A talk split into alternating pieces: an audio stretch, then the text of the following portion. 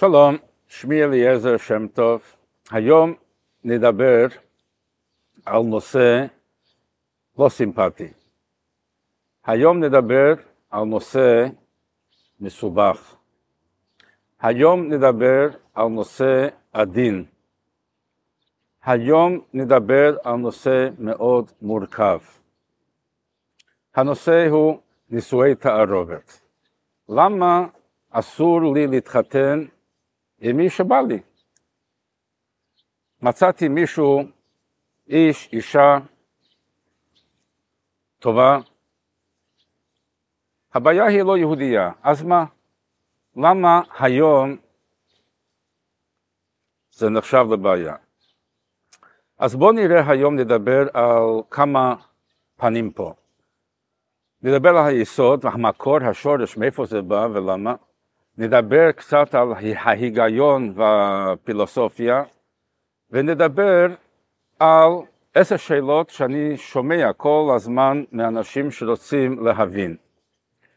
וחשוב לציין פה שהשיחה פה אה, היא עם מי שרוצה להבין, לא עם מי שלא רוצה להבין.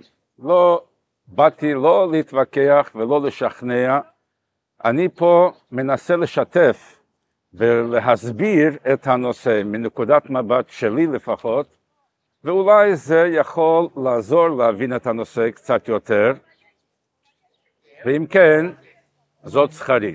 אז בואו נתחיל מההתחלה. מאיפה בא הרעיון הזה שיהודי צריך להתחתן עם יהודי, או עם יהודייה? אז המקור זה בתורה. בתורה בפרשת ואת חנן אנחנו קוראים כי יביאך השם אלוקיך לארץ אשר תבא שמה לרשתה, כן, בפסוק א', אז uh, כשאנחנו ניכנס לכבוש את הארץ, ונתנם השם אלוקיך לפניך, אי נכבוש את הארץ, לא תכרות להם ברית ולא תכנה, ולא תתחתן בם, ביתך לא תיתן לבנו, וביתו לא תיקח לבנך. שאסור שהבת שלך תתחתן עם הבן שלו, ואסור שהבת שלו תתחתן עם הבן שלך. ובפסוק ד' כי יסיד את בנך מאחריי ויעבדו אלוהים אחרים וחרה אף השם בכם ושמיתך מהר. כן, התורה ממשיכה כי יסיד את בנך מאחריי, נראה את זה בהמשך. למה זה נוגע? ההמשך של הפסוק, מפה אנחנו לומדים בכלל שהזהות היהודית תלויה באימא ולא באבא, כן? אבל זה נראה בהמשך. אז ראינו פה היסוד. היסוד זה לא עניין רגשי, זה לא עניין שבא מתקופה יותר מאוחרת בהיסטוריה של העם היהודי, אלא שזה בא מהתורה עצמה. אז ראינו את המקור בתורה, עכשיו בואו אה, ננסה להבין קצת מה עומד מאחורי זה. אז בכדי להבין את זה, למה אסור להתחתן עם מישהו לא יהודי, צריכים להבין מה זה בכלל המושג נישואין. למה להתחתן בכלל? מה זה כל המושג הזה של חתונה? מישהו אוהב מישהי שיחיו ביחד עד שנמאס להם וכל אחד הולך לדרכו. אז מה זה העניין של נישואין ו- ו- וחתונה? אז בעצם אין בזה היגיון אה, אנושי. זה מוסד אלוקי. בורא עולם, הקדוש ברוך הוא, הוא המציא את הנושא הזה של נישואין. הוא זה שציווה עלינו שגבר ואישה שרוצים לחיות ביחד צריכים לעבור תהליך נישואין. למה? כי נישואין זה לא רק לחיות ביחד, זה מה שמאחד שני חצאים, שני חלקים של אותה הנשמה. זאת אומרת, בכדי לחיות ביחד גוף עם גוף, לא צריכים לזה חתונה. ורואים היום הרבה עושים את זה, ואסור על פי התורה, אבל זה אפשרי. אבל להתחתן זה לא אפשרי, אלא אם כן ישנם תנאים מסוימים. זאת אומרת, אפשר לחיות ביחד, אבל אי אפשר להתאחד.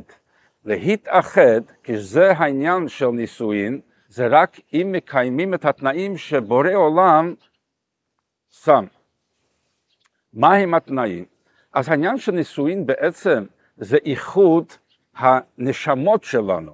זאת אומרת, זה לא רק קיום, זה לא רק התאמה בין גוף אחד לשני, זה לא רק התאמה אה, רגש עם רגש, זה לא רק התאמה שכל עם שכל, זה מדובר פה על התאמה רוחני, התאמה בין העצם שלי עם העצם של השני. וזה לא רואים עם העין הבשרי, זה מה שהתורה מגדירה לנו. איך אפשר להתחתן, איך אפשר להתאחד באמת, זה רק אם מדובר על גבר ואישה שלשניהם יש אותו סוג של נשמה. אז ליהודי יש נשמה מסוג מסוים, ובגלל זה הוא יכול להתאחד רק עם יהודייה, שיש לה נשמה גם מהסוג הזה. ומי שלא יהודי יכול להתאחד עם מי שלא יהודי, כי לשניהם יש נשמה מסוג, מאותו סוג. אז זה בעצם היסוד פה, למה לא רק אסור להתחתן עם מישהו לא יהודי, אלא פשוט אי אפשר. כי בכדי להתחתן צריכים לקיים תנאים מסוימים.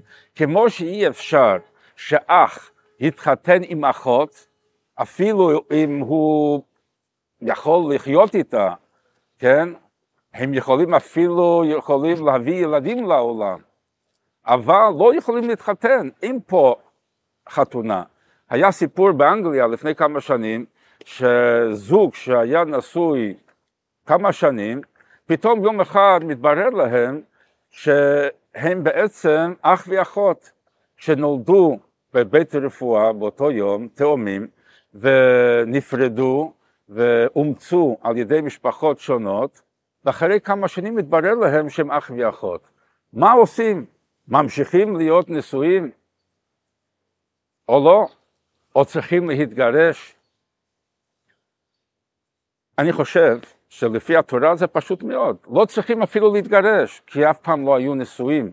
לא יכולים לחיות ביחד, לא, לא, אסור, אסור להם להמשיך לחיות אה, בזוגיות, אבל לא צריכים להתגרש, כי אף פעם לא היו נשואים, מכיוון שאח ואחות לא יכולים בכלל להיות נשואים אחד לשני.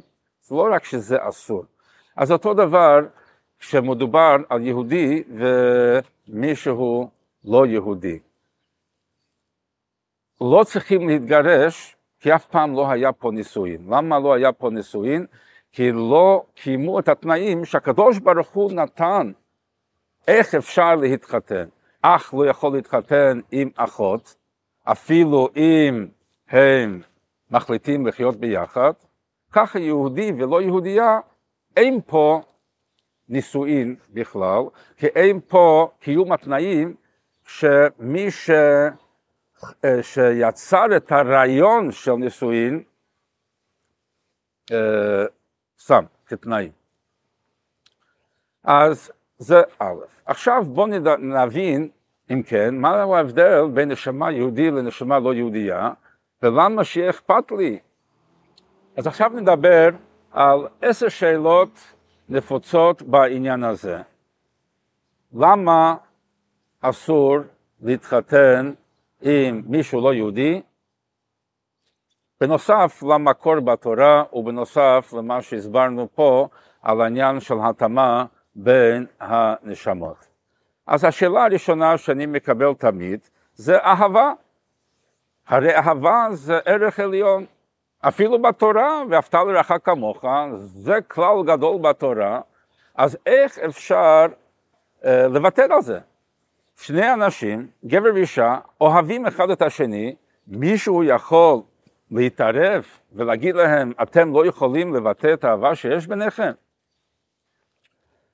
אז שאלה טובה. אמנם אהבה זה מאוד חשוב ביחס בין גבר לאישה, זה לא הדבר הכי חשוב. לדוגמה, אח ואחות אוהבים אחד את השני, לא יכולים להתחתן. כי אהבה זה חשוב, אבל זה לא התנאי היחידי, יש דברים יותר חשובים. אז אותו דבר כשאנחנו מדברים על נישואי תערובת, אף אחד לא מתנגד לאהבה שיש, אבל הבעיה היא עם הביטוי של האהבה הזאת. זאת אומרת שאפשר לאהוב בן אדם, אבל אי אפשר להתחתן עם כל בן אדם שאתה אוהב. אז מכיוון שהתורה אוסרת לנו להתחתן עם מישהו לא יהודי, אז זה מספיק בכדי שנדע שאפילו אם יש אהבה, זה לא uh, מצדיק את הנישואין. אפילו אם יש אהבה בין אחד לשני, ואפשר שתהיה אהבה, אבל מכיוון שהתורה אומרת לנו שאסור ליהודי להתחתן עם מישהו לא יהודי, אז זה מראה לנו שאין פה אפשרות של קשר של נישואין. עוד שאלה. אנחנו חיים היום בחברה דמוקרטית שבנויה על זכויות אדם. כל אחד זכאי, כל אחד יש לו את הזכות לעשות מה שבא לו, כל עוד הוא לא מפריע למישהו אחר עם הזכויות שלו. אז למה מכתיבים לי עם מי אני יכול או לא יכול להתחתן? אז אמנם לכל אחד יש זכויות, וכל עוד שלא אה, פוגע בזכויות של מישהו אחר, אז יש לו את הזכות אה, לעשות מה שבא לו. אבל ביהדות יש, אה, יש אה, גישה אחרת. החיים שלנו לא בנויים רק על זכויות, אלא גם, אלא גם על התחייבויות. יש לנו התחייבויות, והזכויות שלנו מתחילות אחרי שאנחנו מקיימים את ההתחייבויות שלנו.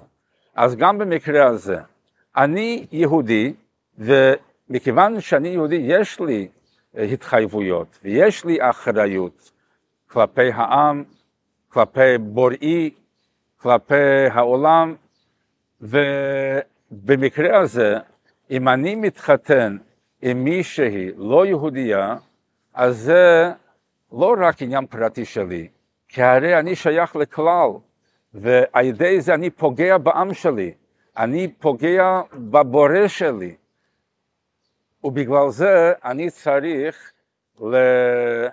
להתאפק, אני צריך לשים את הזכות שלי בצד, מכיוון שזה כן פוגע באחריות שלי. איך זה פוגע בעם שלי? זה לדוגמה מישהו שנוסע בסירה ואחד מתחיל לעשות חור מתחת לכיסא שלו, והשני אומר לו, מה אתה עושה? הרי כולנו נתבע פה. הוא אומר, אבל זה רק מקום שלי, שילמתי עבור הכיסא שלי ושם אני יכול לעשות מה שבא לי. אז הוא עונה לו, כן. אז הוא עונה לו, אמנם זה כיסא שלך, אבל כולנו באותה הסירה. ופה אותו דבר, כל יהודי שייך לעם היהודי, וכל מה שיהודי עושה משפיע ונוגע ופוגע בכל העם. אז כשיהודי מתחתן עם לא יהודייה, הוא מחליש את העם היהודי, כי עכשיו במקום לחזק את העם ולבנות משפחה יהודייה, הוא עכשיו בונה משפחה לא יהודייה, אז זה כן פוגע בעם כולו. עוד שאלה שאני שומע הרבה, זה אני לא דתי. מכיוון שאני לא דתי, מה אכפת לי אם החברה שלי יהודייה, לא יהודייה? אה, בכל זאת אני לא הולך לשמור שבת, לאכול כשר, ואורך החיים שלי יותר דומה לאורך החיים של הגויים מהאורך החיים של יהודים דתיים. אז למה שיהיה לי בעיה להתחתן עם בחורה לא יהודייה? אז שאלה מאוד טובה, ובואו נראה מכמה פנים פה. בא לי אחד, יום אחד בא חבר ואומר לי, תשמע, רב, אה, יש לי חבילה לא יהודייה. אז שאלתי אותו, אתה רוצה לדבר על הנושא? נדבר. אם אתה לא רוצה לדבר על הנושא, לא נדבר. הוא אומר, לא, אני רוצה לשמוע מה דעתך על הנושא. אמרתי, תשמע, למה מישהו, למה גבר רוצה אה, אישה? אז ישנן כמה סיבות. א', הסיבה ביולוגית, צריך את זה. שנית, זה עניין רגשי, כן? ושלישי, זה לבנות משפחה. אז שתי המטרות הראשונות, אפשר, כן? אסור, אבל אפשר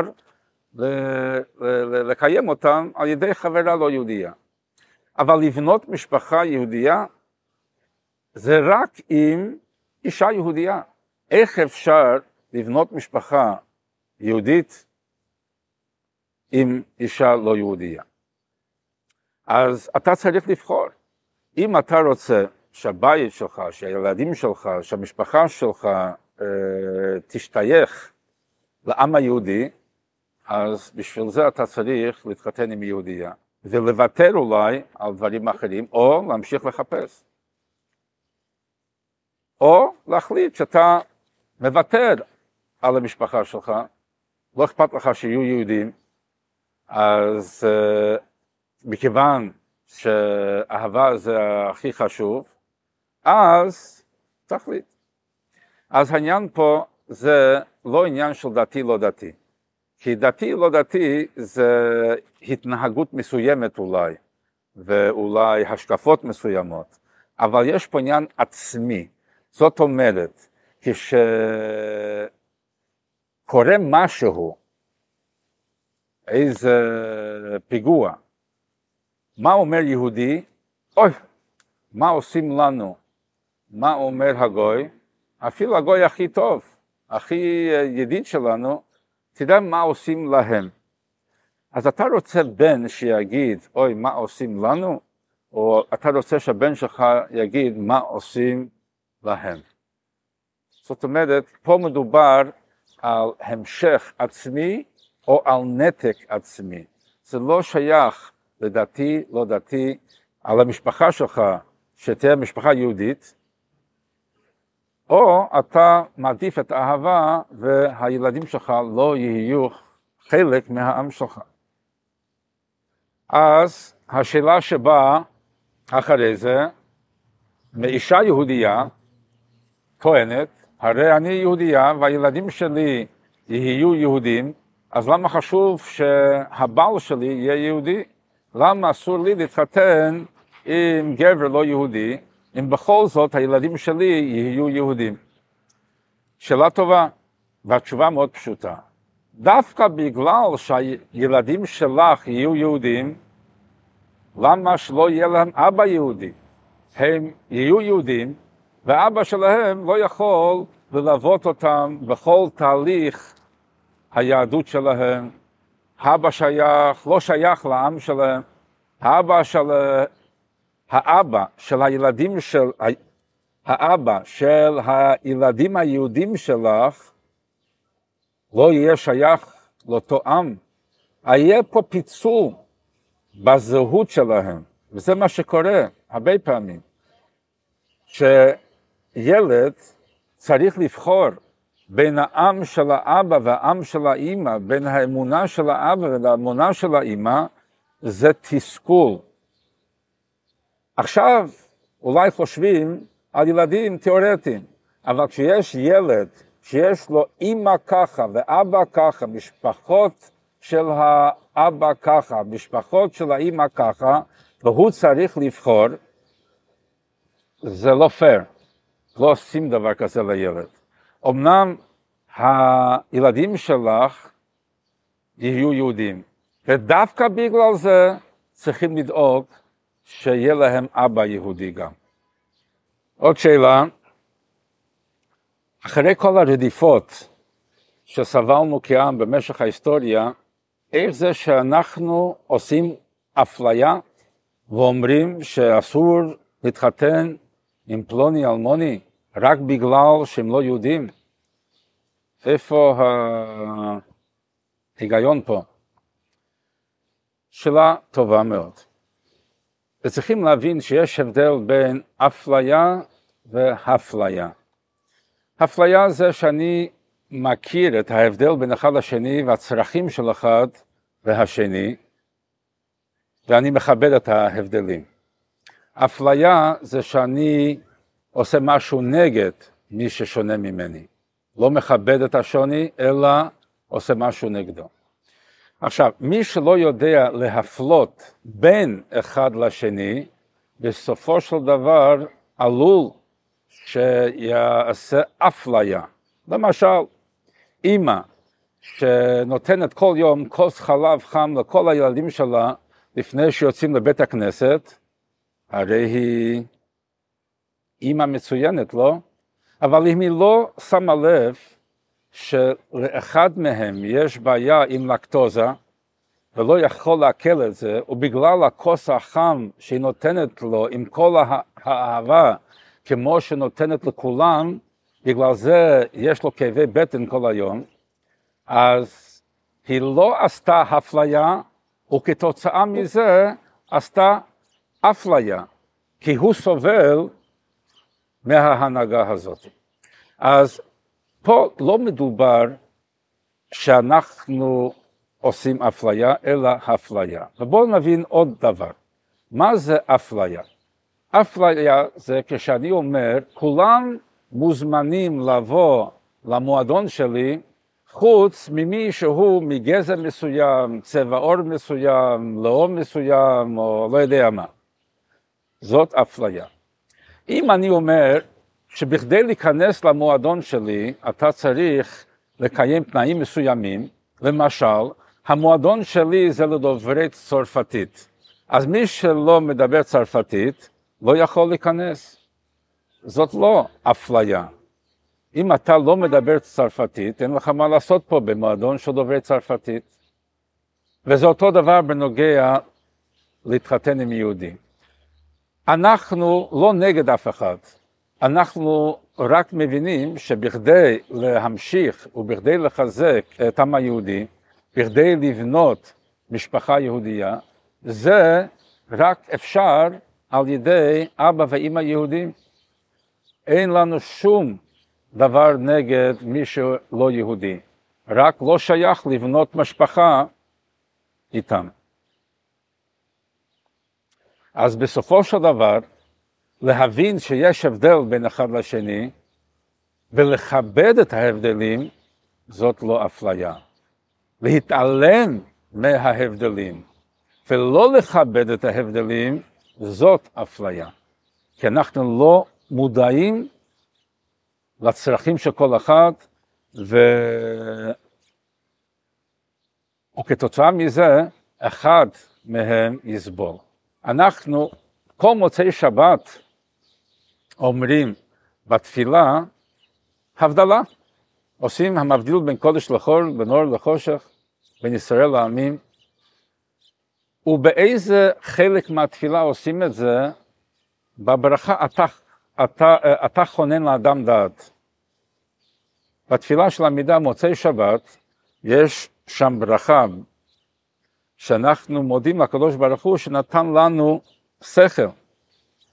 ושם יש את התפילה הזאת שאנחנו מכניסים במוצאי שבת, אתה חוננתנו, ושם אנחנו ממשיכים לדבר על ההבדל בין קודש לחול, בין אור לחושך, בין ישראל לעמים.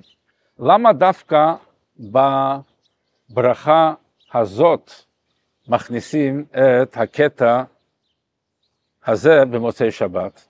אז חכמינו אומרים, אם אין דעת, הבדלה מניין. בכדי להבדיל בין דבר אחד לשני צריכים מודעות, צריכים להבין את הנושא ביסודיות. אז אותו דבר פה. אם מסתכלים מבחוץ, אין הבדל בין בין אדם אחד לשני.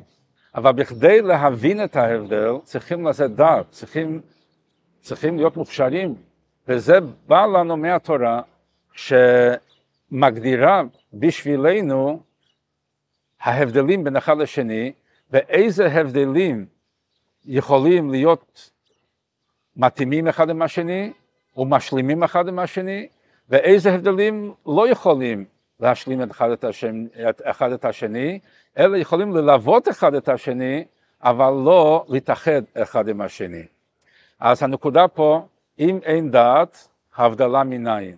בכדי להכיר ההבדל בין דבר אחד לשני והמשמעויות של ההבדלים בין אחד לשני, לכבד את ההבדלים ולהכיר את הגבול של כל אחד, איפה זה מתחיל ואיפה זה נגמר, צריכים לעשות דעת, צריכים להיות מודעים